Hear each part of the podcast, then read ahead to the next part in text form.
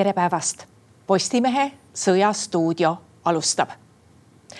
viimased kakskümmend neli tundi on kirgi kütnud Prantsusmaa presidendi väljaütlemine, et ei saa välistada, et lääneriigid viivad oma maaväed Ukrainasse. meil on stuudios sõjandusekspert ja Riigikogu liige Leo Kunnas, tere päevast. tere päevast no Leo Kunnas, mida te arvate sellest äh, võimalusest, kas selline võimalus võiks tekkida, et äh, lääneriigid tõepoolest viivad oma maaväed Ukrainasse? no Prantsusmaa on meile väga tähtis liitlane, ta on üks Euroopa suurriikidest. aga kui hakata nüüd analüüsima kainelt, et kas Prantsusmaal tervikuna on poliitilist tahet kõigepealt, kas tal on sõjalist jõudu ja kas tal on diplomaatilist mõjuvõimu alliansis ehk meie liitlaste seas, et midagi sellist praktikas teostada, siis ma julgen küll väita, et, et ei ole. seepärast ei ole ka mõistlik selle variandi üle, üle pikemalt arutada, kuna sellel ei ole praktilist teostamisväärtust. aga võib-olla, mis on pluss selle juures, et, et mis on lääneriikide viga lääneriikide juhtide viga, kõigil juhtidel, kes praegu on, et nad on täiesti ettearvatavad, nende käitumine on Venemaa jaoks sada protsenti ettearvatav. seetõttu ka Venemaa ei hoia siin NATO piiridel absoluutselt praegu mingeid vägesid, kuna väed on hõivatud Ukrainas ja siin on sisuliselt noh, ka Pihkvas praktiliselt paari pataljoni jagu ajateenijaid, et et see ei ole sõjaline valmisolek NATO suunal. et seetõttu mõningane ettearvamatus on isegi hea, et, et Venemaa ei oleks sada protsenti enam veendunud, et NATO midagi ette ei võta, et kui see tõenäosus on juba kasvõi üheksakümmend, üheksakümmend või üheksakümmend kaheksa protsenti, see sunnib Venemaad rohkem hoidma ka valmisolekut NATO suunal. no seda väljaütlemist tõlgendati kohe noh, nagu oleks see sõjaväelaste viimine rindele. aga et kui palju siin annab nagu varieerida variantide peale, et lääneriigid viivad sinna välja oma sõjaväelasi selleks, et õpetada ukrainlasi välja, sest praegu see väljaõpe ju käib valdavalt lääneriikide territooriumil või et nad tegelevad demineerimise või millegagi veel, kas see võiks kõne alla tulla? no demineerimise sellised missioonid põhimõtteliselt võiks kõne alla tulla aga kui me räägime maavägede vajadusest sõjaliselt, siis tegelikult Ukraina pool ka suuremas osas maavägede toetust tegelikult ei vaja, sest ukrainlased suudavad rinnet ise hoida. et, et iseenesest sõjaliselt palju otsustav, otsustavam mõju oleks õhuvägede viimisel Ukrainasse. see võiks selle sõja tulemust mõjutada või selle isegi potentsiaalselt peatada või siis eskaleerida selle tuumasõjani. et sel juhul on, on, on võimalikud erinevad variandid. aga Ukraina poolel ei ole erilist vajadust praegu liitlasvägede maavägede järele, lihtsalt ka puhtsõjaliselt, kui jätta kõik poliitiline retoorika kõrvale nii et kui üleüldse vaja, on vaja nii-öelda sõjalist toetust sellisel moel, et läheb sinna sisse mingi sõjavägi, siis pigem õhuvägi. no loomulikult, et Ukrainal Ukraina probleem on see, et, et Vene poolel on olnud õhuülekaal, et kui me vaatame, vaatame kasvõi nüüd sedasama viimast Avdijevka eendpositsiooni loovutamist, siis võib-olla kõige olulisem tegur seejuures oligi, et Vene pool kasutas siin uut taktikat, ehk siis Vene pool heitis siis umbes võib-olla miinimum kuue-seitsmekümne kilomeetri kauguselt siit ründelennukitelt põhimõtteliselt siis suu, suutüüpi lennukitelt põhiliselt äh, siis liuglevaid äh, pomme, mille nad on siis ümber teinud äh, vanadest mittejuhitavatest pommidest. Ja kui põhimõtteliselt ka head kaitsepositsioonid, kui ikkagi pommide suurus varieerub viiekümnest kilost kuni, kuni viiesaja kiloni, siis noh, kahesaja viiekümne kilosed, viie, viiesaja kilosed pommid lihtsalt purustavad jao ja rühma majutuspunkreid ja positsioone üsna efektiivselt, ehk see oli see tegur, mis siis mõjutas oluliselt, et Ukraina kaotas viieteistkümnenda, seitsmeteistkümnenda veebruari vahel nüüd selle eendpositsiooni Avdiivka linna ümber. aga siit kaardilt me näeme ka ju hästi, et, et kui suurest alast me siis tegelikult räägime siin, et, et sellesama positsiooni sügavus idast läände oli um, umbes kümmekond kilomeetrit nüüd nende väiksemate asulatega, mis Ukraina pool veel on loovutanud nüüd viimastel päevadel ja põhjast lõunasse siis viis-kuus kilomeetrit. et kokku umbes viis-kuuskümmend ruutkilomeetrit on see ala, mille siis Ukraina siin Avdiivka piirkonnas kaotas, et kui me võrdleme seda Ukraina territooriumiga, mis on kuussada kolm tuhat ruutkilomeetrit, siis see on,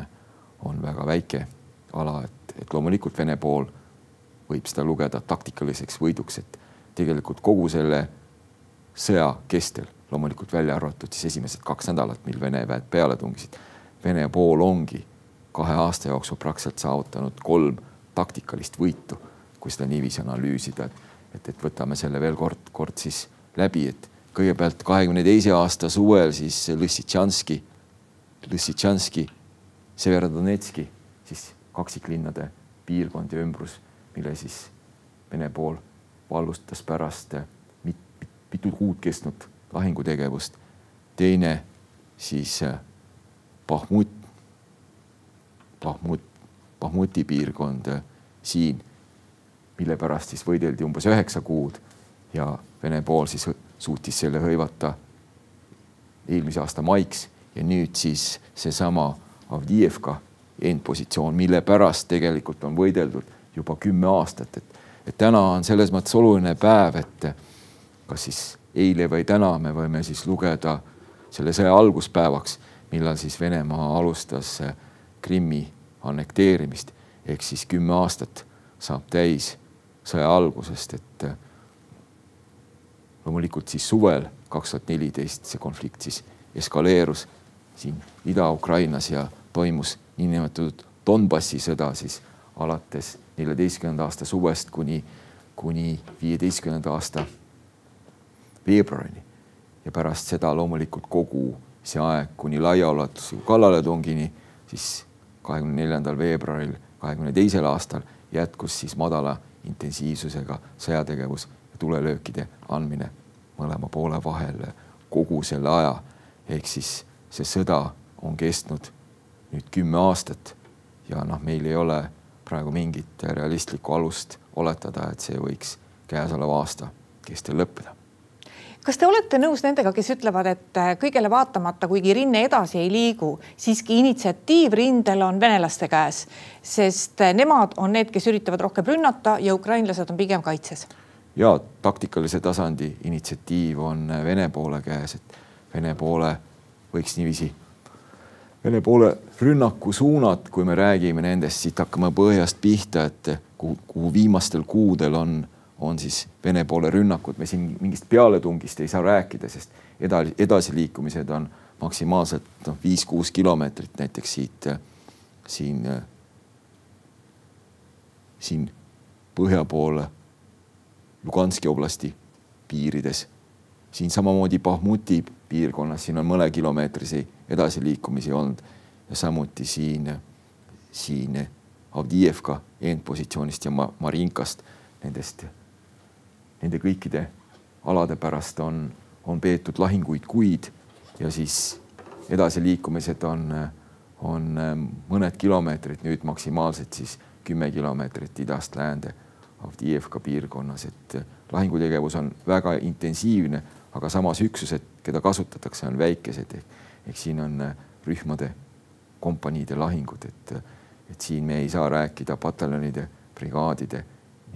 mingist hoolikalt ette planeeritud, kavandatud pealetungidest, et, et siin rünnakute arv on suur, aga need ongi rünnakud, need on sellised rühma, kompanii, maksimaalselt mõne kompanii suuruste üksuste siis, siis võitlused mõnesaja meetri suuruste maa-alade pärast, et see on, see on selle käesoleva etapi iseloomustus, mis meil, mis me siin sõjas näeme. Eh, no sellest on ju palju räägitud, et eh, venelaste positsioon Mustal merel on läinud oluliselt halvemaks, aga see ei ole väga halb, sest nagu näitasid ka tänaöised rünnakud, äh, mis toimusid Odessale, siis ikkagi tulistati välja ju Mustalt merelt, et venelased kõigele vaatamata, et neil on seal ebaõnnestumisi, aga kui hästi nad suudavad seal siiski opereerida? No neid Shahed droone võib välja lasta põhimõtteliselt ükskõik kust okupeeritud territooriumist. aga muidugi Vene Musta mere laevastikule ei ole olnud viimane aasta meie õnneks hea, et, et ikkagi Musta mere laevastik on siit Musta mere lääneosast välja tõrjutud ja on sunnitud siis eemalduma siia Krasnodari, Krai sadamalinnadesse ja, ja neil ei ole sellist püsivat kohalolekut siin Krimmis, kuna, kuna Ukraina nii, nii meredroonid kui ka õhudroonid põhimõtteliselt ulatuvad, ulatuvad siis Sevastopoli piirkonnani. Ja laevade osas on, on Vene pool kandnud ju selle kahe aasta jooksul väga suuri kaotusi, et alates Riskleja, Riskleja Moskvast mitu suurt transpordilaeva kuni isegi dokis uputatud allveelaevani, et, et noh, kindlalt võib väita, et, et vähemalt kuusteist Vene laevastikulaeva on uputatud. mis tähendab seda, et nende laevade taastamine ei ole, ei ole mingi aasta-paari küsimus, et neid ei, ei saa uuesti ehitada väga kiiresti. et Ukraina süvaoperatsioonid on ka üldises plaanis olnud edukad, et tegelikult Ukraina pool on andnud ju pidevalt nüüd, nüüd lööke Venemaa nafta ja gaasitaristu pihta, mis majanduslikult ei pane Venemaad loomulikult põlvili, aga aga tekitab neile ju väga palju raskusi võrreldes sellega, et, et neid operatsioone ei tehtaks ja need on ulatunud siia meie, meie lähipiirkonda Ust-Lugani välja, et Vene lennuväljad on saanud lööke. ka see, ka seesama, ka needsamad õhulöögid, mis Venemaa andis siin Avdijevka piirkonnas, on ikkagi lõppenud vähemalt seitsme Vene lahingulennuki alla tulistamisega ja Vene pool on, on kaotanud ka kaks A viitkümmend, viiskümmend tüüpi siis olulist õhutuurelennukit, mis siis vastab nagu NATO, NATO avaks, avaks lennukitele, et, et pigem võiks väita, et süvaoperatsioonides on, on Ukraina ikkagi eelmisel aastal ja selle aasta alguses selgelt näidanud üles initsiatiivi ja võrreldes kahekümne teise aastaga, mil, mil Venemaa praktiliselt, Venemaal oli selge ülevõim siin ja Ukraina territooriumi, Ukraina territoorium sai, sai pidevalt, noh, saab ka nüüd, aga siis sai ikkagi võrreldavalt palju rohkem tulelööke kui praegu, et, et kuigi me võime, võime öelda, et, et maismaarindel on seis tasavägine, on seis on, ja initsiatiiv on tõesti olnud pigem Vene poole käes, aga see initsiatiiv ei ole pannud, kandnud palju vilja veel. initsiatiiv iseenesest ju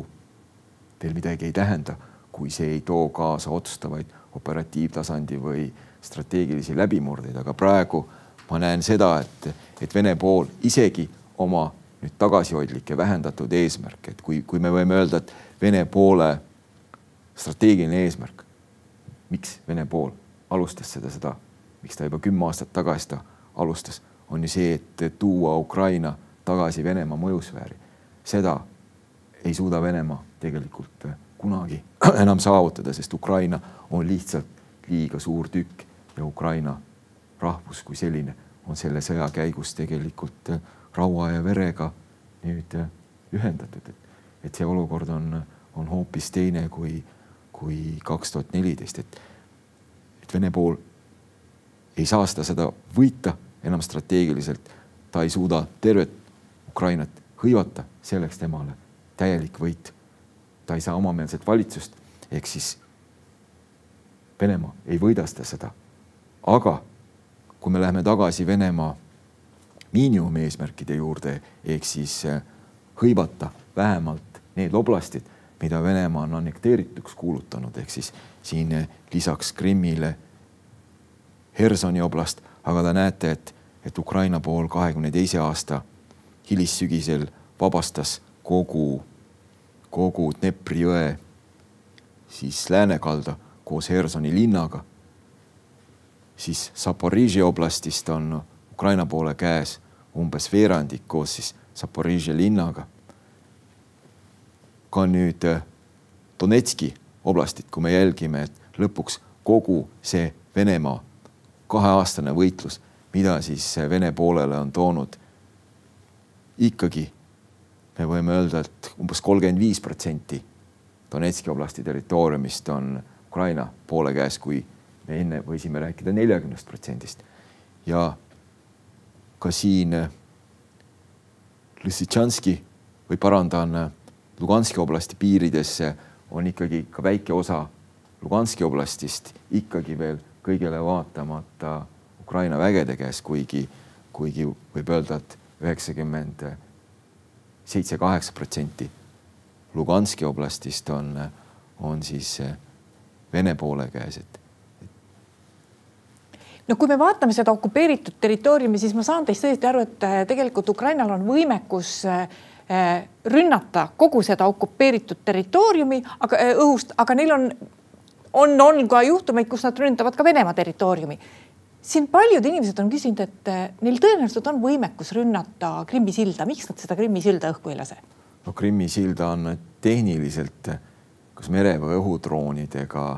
väga raske, raske õhku lasta, et see peab ikkagi olema põhimõtteliselt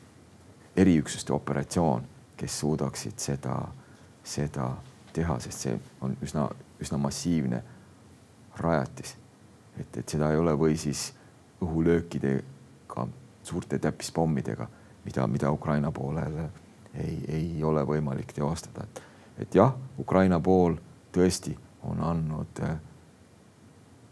õhutulelööke põhiliselt droonidega väga sügavale Vene territooriumi kaugustesse, ütleks niiviisi. Ja ma tõingi näiteks ka sedasama Ust-Lugat, et, et see oli siinsamas lähedal, aga samas ka varem anti ju löök äh, siin Pihkla oblastis paikneva Krestõ lennuvälja pihta, kus siis Vene lennukeid hävitati mitu, et, äh, et, et jah, et pigem praegu on olnud äh, süvaoperatsioonides initsiatiiv Ukraina poole käes, et, et otseselt maismaaoperatsioonides on siis initsiatiiv Vene poole käes, kuigi see ei ole, nagu ma ütlesin, et see ei ole kandnud isegi sel määral sellistest, ütleks niiviisi operatiivtasandi vilja, et, et needsamad, needsamad annekteeritud, annekteerituks kuulutatud oblastid õnnestuks ka siis Vene poolel tegelikult okupeerida. ja siin me näeme, et, et need kaotused, mida Vene laevastik on kandnud, mõjutavad olukorda rinde lõunalõigus nii, et Vene poolel ei ole võimalik enam praegu Dnepri jõge uuesti üle, ületada ja tungida siis peale Mõkolaevi ja Odessa suunas, et, et see sündmuste edasise arengu variant on praeguse seisuga sisuliselt välistatud, et mis on, mis on suur pluss Ukraina jaoks no ma saan aru, et äh, suuresti oleneb see, kas ukrainlased üldse rünnata saavad äh, asjaolust, kas lääneriikide täiendavat abi, mida Ukraina ootab praegu, äh, tuleb lähitulevikus või mitte. aga kui Ukrainal tekib taas see võimekus minna kaitselt juba kusagile ründama, kas te, kus te näete seda võimalust, kas see lõunaosa ongi praegu selline tõenäoliselt see koht, kus nad võivad minna ja, või, ja on sellel mõtet, kas see nagu selle kogu selle sõja seisukohalt on see lõuna tähtis? No,? Ukraina poole suve pealetung eelmisel suvel oli ilmselt kavandatud küllalt raske ja keerulise operatsioonina üle Dnepri jõe, aga Kahhovka tammi õhkimine siis välistas selle. Ja tegelikult oli juba juuni lõpus oli selge, et Vene poole tugevate kaitserajatiste tõttu ei ole võimalik Ukraina poolele mingit otsustavat läbimurret saavutada, mida ka ei, ei saavutatud, et selle pealetungi oleks pidanud peatama juba siis, nii nagu oleks pidanud kahe, kahekümne teise aasta sügisel siin Harkivi oblastis toimunud pealetungi, mis oli siis kuue, kuue, kuuendast kaheteistkümnenda septembrini, et seda oleks pidanud kohe jätkama. noh, ma ütlesin ka seda loomulikult kohe siis välja, kui need sündmused toimusid. see ei ole minu nagu hetke tagantjärgi tarkus ja ma olen seda olukorda siin võr võrrelnud meie Vabadussõja aegse olukorraga, et kui meil oli küsimus, et, et teatavasti rinne oli juba kolmkümmend kilomeetrit Tallinnast ja seis ei olnud üldse hea. et me läksime vastupealetungile jaanuari alguses üheksateist ja tungisime kiiresti Narva ja Valgani, et võib-olla oleks olnud sõjaliselt mõistlik oodata logistikat järele ja jätta rinne seisma kuskil Tartu-Rakvere joonel, aga siis ju mõistame, et, et sel juhul selle sõja saatus oleks võinud kujuneda hoopis teistsuguseks, et siis oli see moment, millal Vene pool ei olnud jõudnud rajada neid sügavalt ešeleneeritud kaitseliine siin kogu rindejoone ulatuses. ja nüüd on see tehtud ja mul ei ole ka mingit head lahendust välja pakkuda, et mis Ukraina pool peaks oma väljaõppe üsna põhjalikult ümber korraldama. Ukraina poole personaliprobleemid on üpris suured. tegelikult eh, nad on jäänud liiga kauaks lootma oma vanadele reservidele, et need võitlejad, kes, kes kümme aastat, kes kaheksa aastat enne olid võidelnud eh, enne laiaulatuslikku kallatungi. Enamik ju neid, kes on teenistusse kutsutud ja ise vabatahtlikult tulnud, on ju needsamad võitlejad, kes siis võitlesid, aga need reservid hakkavad nüüd lõppema ja Ukraina pool ei ole suutnud otsustavalt parandada kogu oma personalijuhtimise süsteemi. ja tegelikult neil ei ole õnnestunud oma soovitud eesmärki ehk siis miljoni inimesega sõja kaitsevägi saavutada, nad jäid pidama kuskile seitsmesaja tuhande peale. Ja praegu nad suudavad sisuliselt ainult kaotusi asendada, et selle süsteemiga,